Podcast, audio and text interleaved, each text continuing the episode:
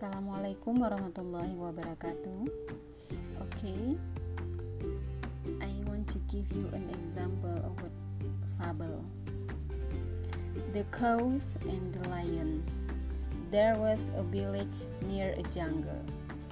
The village cows used it to go up to the jungle in search of food.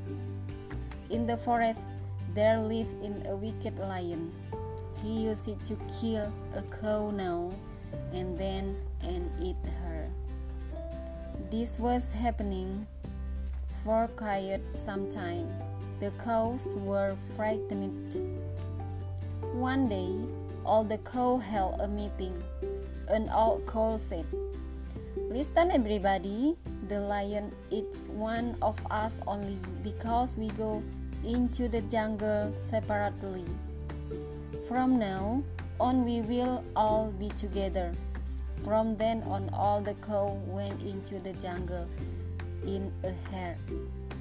When they heard or saw the lion, all of them unitedly moo and chased him away.